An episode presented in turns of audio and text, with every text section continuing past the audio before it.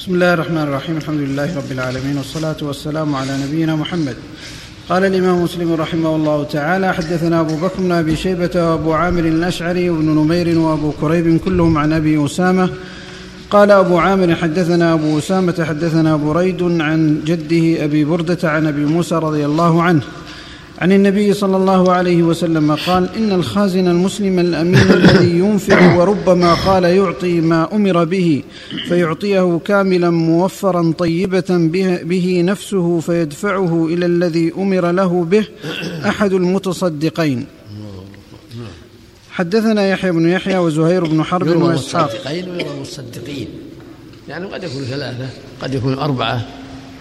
المقصود أنهم إذا اشتركوا في الخير أمر الزوج المرأة والمرأة أمرت الخازن والخازن بذل طيبة به نفسه كلهم شركاء ثلاثة الزوج والزوجة والخازن كلهم شركاء في الأجر. وهكذا لو كانوا أربعة نعم وأكثر نعم. كذلك. الوكيل أحسن الله الوكيل نعم. إذا أدى ما عليه طيبة به نفسه نعم.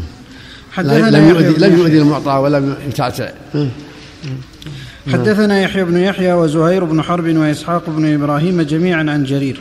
قال يحيى أخبرنا جرير عن منصور عن شقيق عن مسروق عن عائشة رضي الله عنها قالت قال رسول الله صلى الله عليه وسلم إذا أنفقت المرأة من طعام بيتها غير مفسدة كان لها أجرها بما أنفقت ولزوجها أجره بما كسب. وللخازن مثل ذلك لا ينقص بعضهم أجر بعض شيئا. وفي هذا الحث على الإحسان من الوكيل والزوجة وأن ينبغي للوكيل أن يتقي الله إذا أمر بشيء سواء كان وزيرا أو وكيلا عاديا إذا أمر بشيء أن يتقي الله وأن يحسن في العطية وأن يبادر وأن لا يؤذي المعطى حتى يكون شريكا في الأجر. ما هو كل ساعة يتباسر عقبه خلافه يؤذيه ويعذبه ينبغي له يبادر حتى ينفذ ما أمر به. وهكذا الزوجة. إذا أمرها الزوج أن تنفق ينبغي أن تتقي الله وأن تسرع في الخير وأن تبادر وأن تجتهد في إيصاله إلى مستحقه. نعم.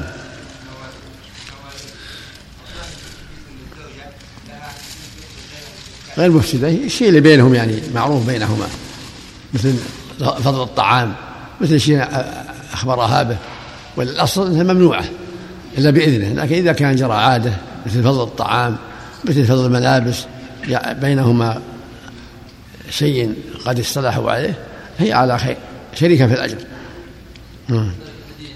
هذه الصحيح ليس للمرأة عطية إلا بين زوجها هذه في الأمور التي لا بد منها من إذن. أما شيء في إذن عرفي لأن الناس قد يكون عندهم إذن عرفي. أن فضل الطعام ما يحتاج يحفظ في في كذا ولا في كذا يعطيها الفقراء. عندهم إذن عرفي أنها إذا جاء الساعة تعطيه تمر تعطيه كذا تعطيه كذا أو بينهما تنفذ ما يحتاج إذن. نعم. الإذن العرفي يكفي. نعم. نعم.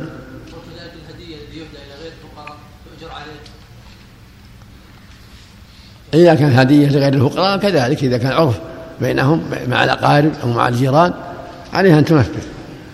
مع العطي مع الجيران مع الأقارب مع الفقراء.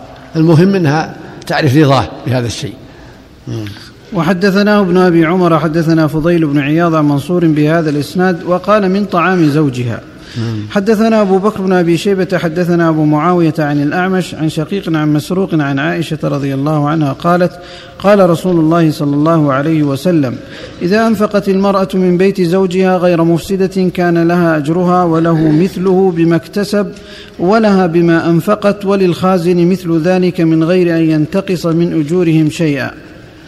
الله أكبر. وحدثناه ابن أبي نمير ابن نمير حدثني أبي وأبو معاوية عن الأعمش هذا بهذا الإسناد نحوه. هذا فضل الله العظيم. هذا اكتسب. يحترف يكتسب. يحط عندها ثم هي تعطي. أو تأمر الوكيل. ويكونون سواء هذا له أجر وهذا له أجر وهذا لا ينقص بعضهم من أجل بعض الشيء. هذا فضل جل وعلا وجوده سبحانه وتعالى. الله أكبر. نعم. وحث فيه الحث والترغيب للزوجة والوكيل. والخازن أن يكونوا معينين على الخير مسارعين في الخير. لا يكون عندهم التثاقل والإيذاء للمعطى أو التأخير بل يجب عليهم أن يكونوا مسارعين مبادرين مشاركين في الخير بنفس طيبة. نعم.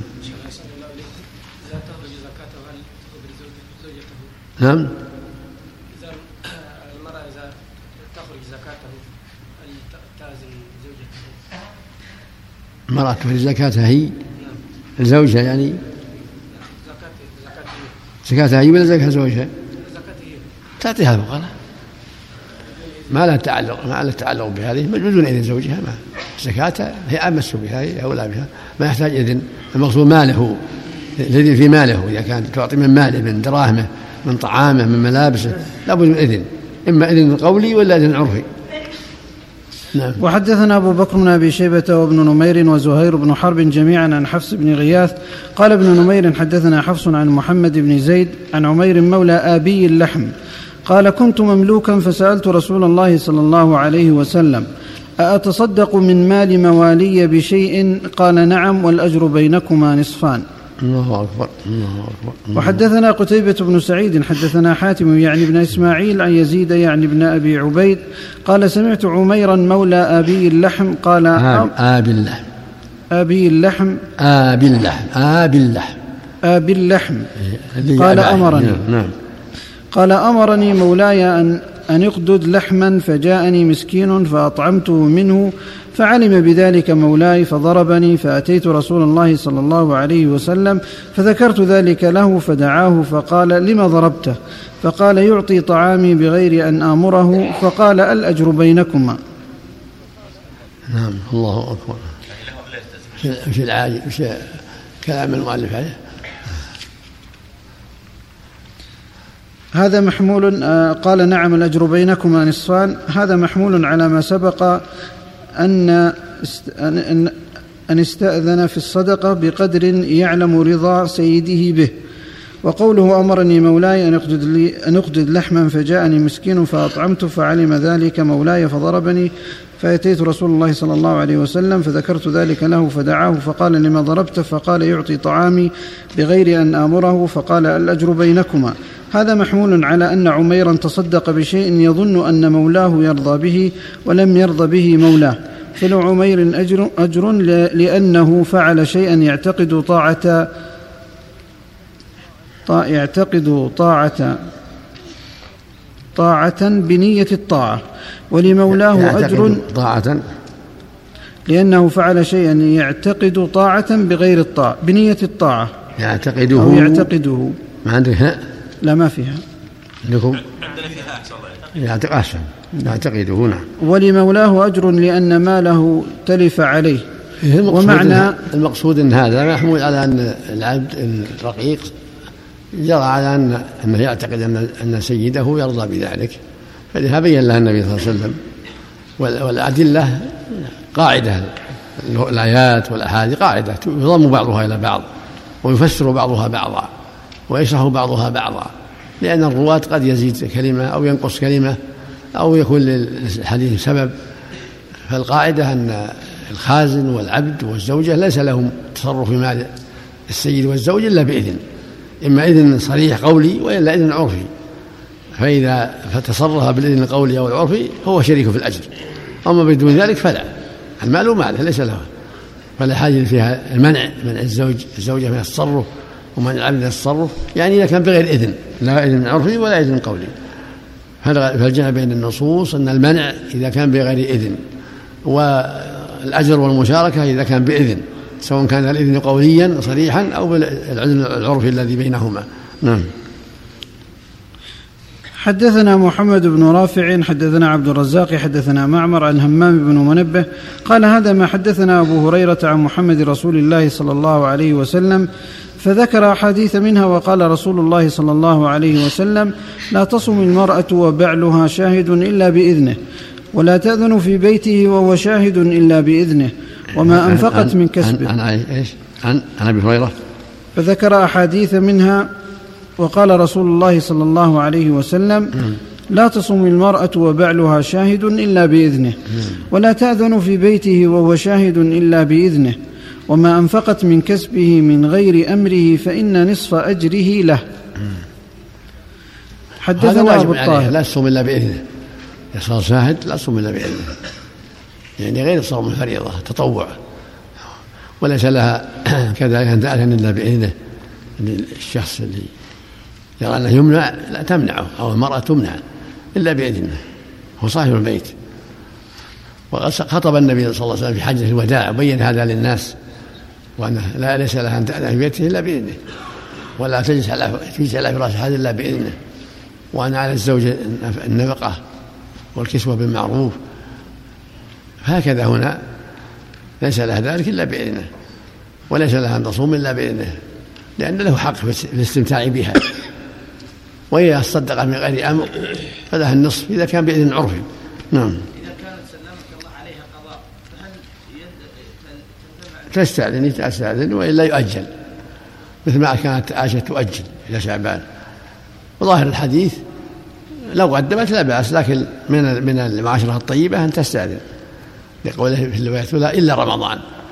رمضان فريضة لابد مثل الكفارات التي عليها فريضة لكن إذا استأذنته إذا كان في الأمر سعة حتى تقدم حتى تحتاط هذا حسن الواجب عليها أن تقدم. لا, لا تنتظر رمضان ولو بغير لا بد أن تقدم رمضان تصوم. لكن إذا أخرته بعض التأخير لا بأس. مراعاة لخاطره. قول عفى الله عنك وما أنفقت من كسبه من غير أمره. من غير أمره قولي يعني بالأمر العرفي. جمع بين النصوص. نعم.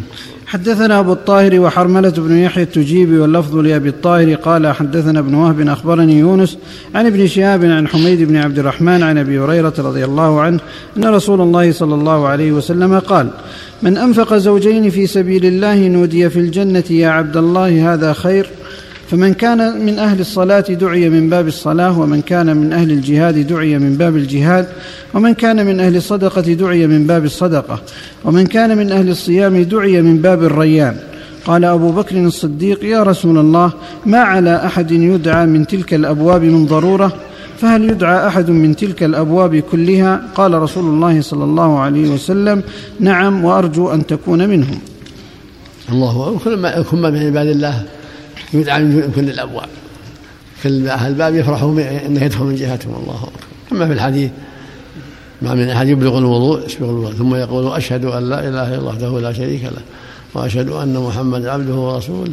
الا فتحت له أبواب الجنه يدخل من ايها شاء الله المقصود أن أهل الإيمان الكمل يدعون من الأبواب كلها. نعم. ولكن باب الريان للصائمين. إذا انتهوا أغلق. الله أكبر. نعم.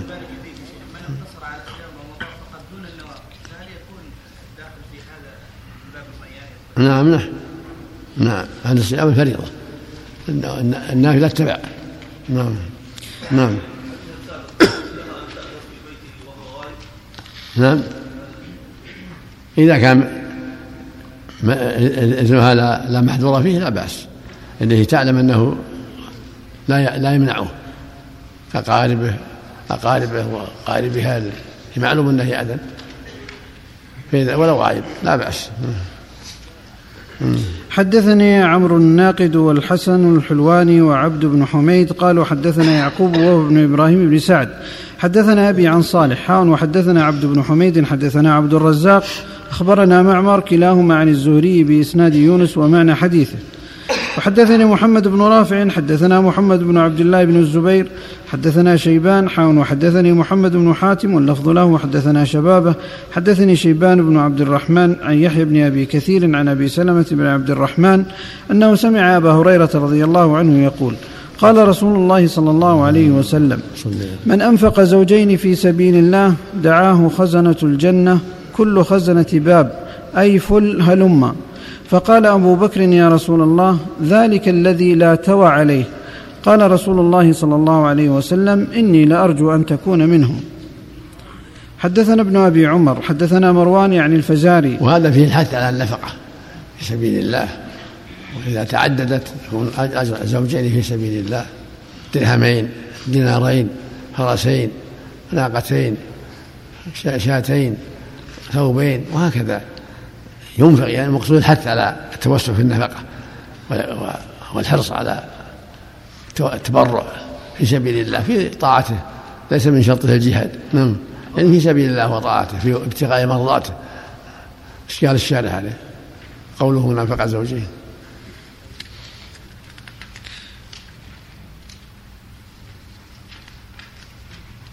ما ذكر ما تكلم. الأبي ما تكلم ها؟ زوجين من أنفق زوجين في سبيل الله. نعم ذكر في كلام سابق. إيش يقول؟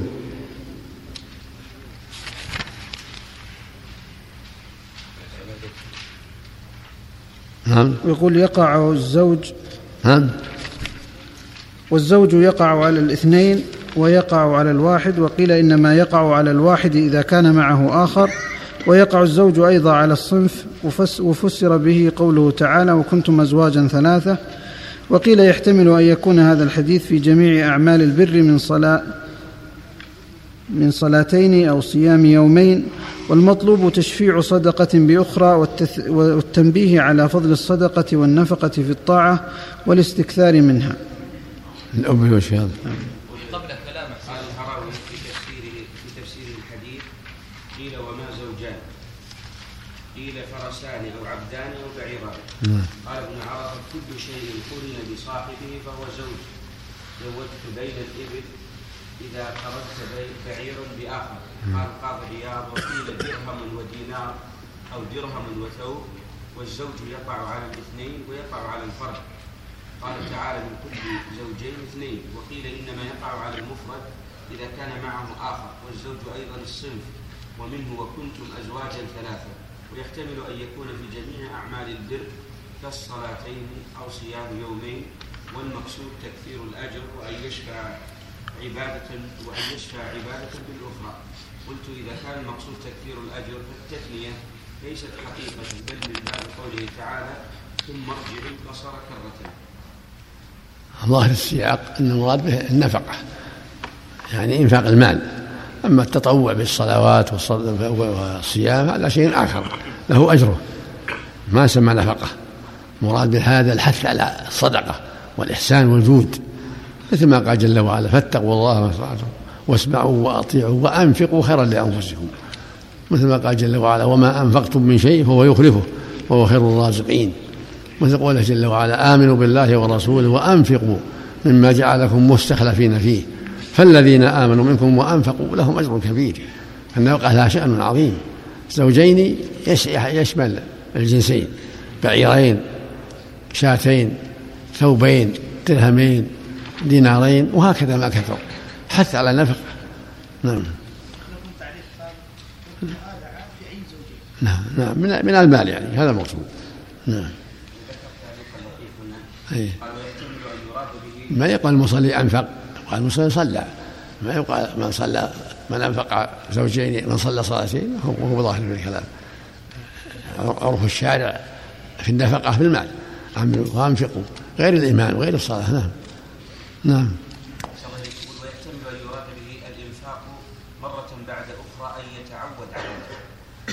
لا ظاهر السياق كونه ينفق صنفين يجتهد في انفاق صنفين شيئين. المقصود الحث على النفقة. المقصود من, من هذا كله الحث على النفقه وال- والترغيب فيها. وان تكون متنوعة. أصناف دراهم ودنانير ثياب طعام اللي تيسر. يقال للدرهم والدرهم زوجين ويقال للدرهم والدرهم زوجين ويقال للثوبين زوجين وهكذا. نعم. عفى الله عنك سند الحديث الذي ذكر قيل وما زوجان؟ قال فرسان أو عبدان أو بعيران. ما ما ما راجعناه نعم. ما ما ما ما سأق سنده. نعم.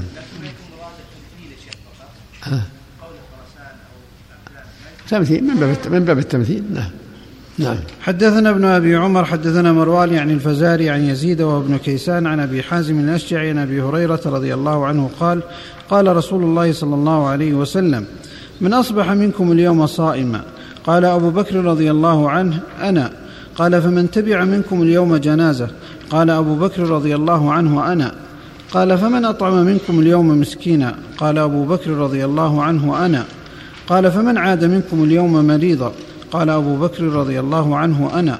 فقال رسول الله صلى الله عليه وسلم ما اجتمعنا في امرئ إلا دخل الجنة. الله الله.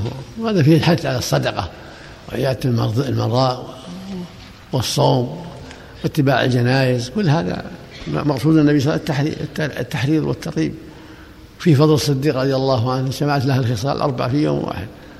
صائم وتصدق وتبع الجنازة وعاد المريض كل هذا فضل عظيم رضي الله نعم الله نعم. تخيلها الإنسان صام صام هذا اليوم ثم زار المستشفى ثم ذهب إلى المقبرة ثم تصدق. كلها طيب كلها طيب. طيب. حدثنا أبو بكر بن أبي شيبة حدثنا حفص يعني بن غياث عن هشام عن فاطمة بنت المنذر عن أسماء بنت أبي بكر رضي الله عنها قالت قال قالت قال لي رسول الله صلى الله عليه وسلم أعيد الحديث السابق. عن حدثنا الله أكبر. حدثنا ابن أبي عمر حدثنا مروان يعني الفزاري عن يزيد وابن كيسان عن أبي حازم الأشجعي عن أبي هريرة رضي الله عنه قال قال رسول الله صلى الله عليه وسلم من أصبح منكم اليوم صائما؟ قال أبو بكر رضي الله عنه أنا. قال فمن تبع منكم اليوم جنازة؟ قال أبو بكر رضي الله عنه أنا. قال فمن أطعم منكم اليوم مسكينا؟ قال أبو بكر رضي الله عنه أنا. قال فمن عاد منكم اليوم مريضا؟ قال أبو بكر رضي الله عنه أنا. فقال رسول الله صلى الله عليه وسلم ما اجتمعنا في امرئ إلا دخل الجنة. الله أكبر. وفيه من الفوائد إخبار الإنسان عن عمله الصالح إذا دعت الحاجة إلى الإخبار وان يخبر لا بأس. لا على سبيل الرياء ولكن على سبيل المصلحة التي أريدت. نعم. الله أكبر. نعم. حدثنا أبو بكر بن أبي شيبة حدثنا حفص يعني بن غياث عن هشام عن فاطمة بنت المنذر عن أسماء بنت أبي بكر رضي الله عنها قالت قال لي رسول الله صلى الله عليه وسلم أنفقي أو انضحي أو انفحي ولا تحصي فيحصي الله عليك. وحدثنا عمرو الناقد وزهير بن حرب وإسحاق بن إبراهيم جميعا عن أبي معاوية.